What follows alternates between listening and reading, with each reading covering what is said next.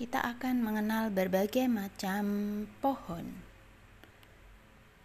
Pohon yang akan kita kenal, akan kita pelajari adalah pohon buah-buahan. Pohon buah banyak sekali. Di antaranya kita mulai dari pohon apel. Pohon apel bentuknya tidak terlalu besar. Pohon ini merupakan pohon buah. Mengenal pohon seperti pohon buah apel akan kita pelajari.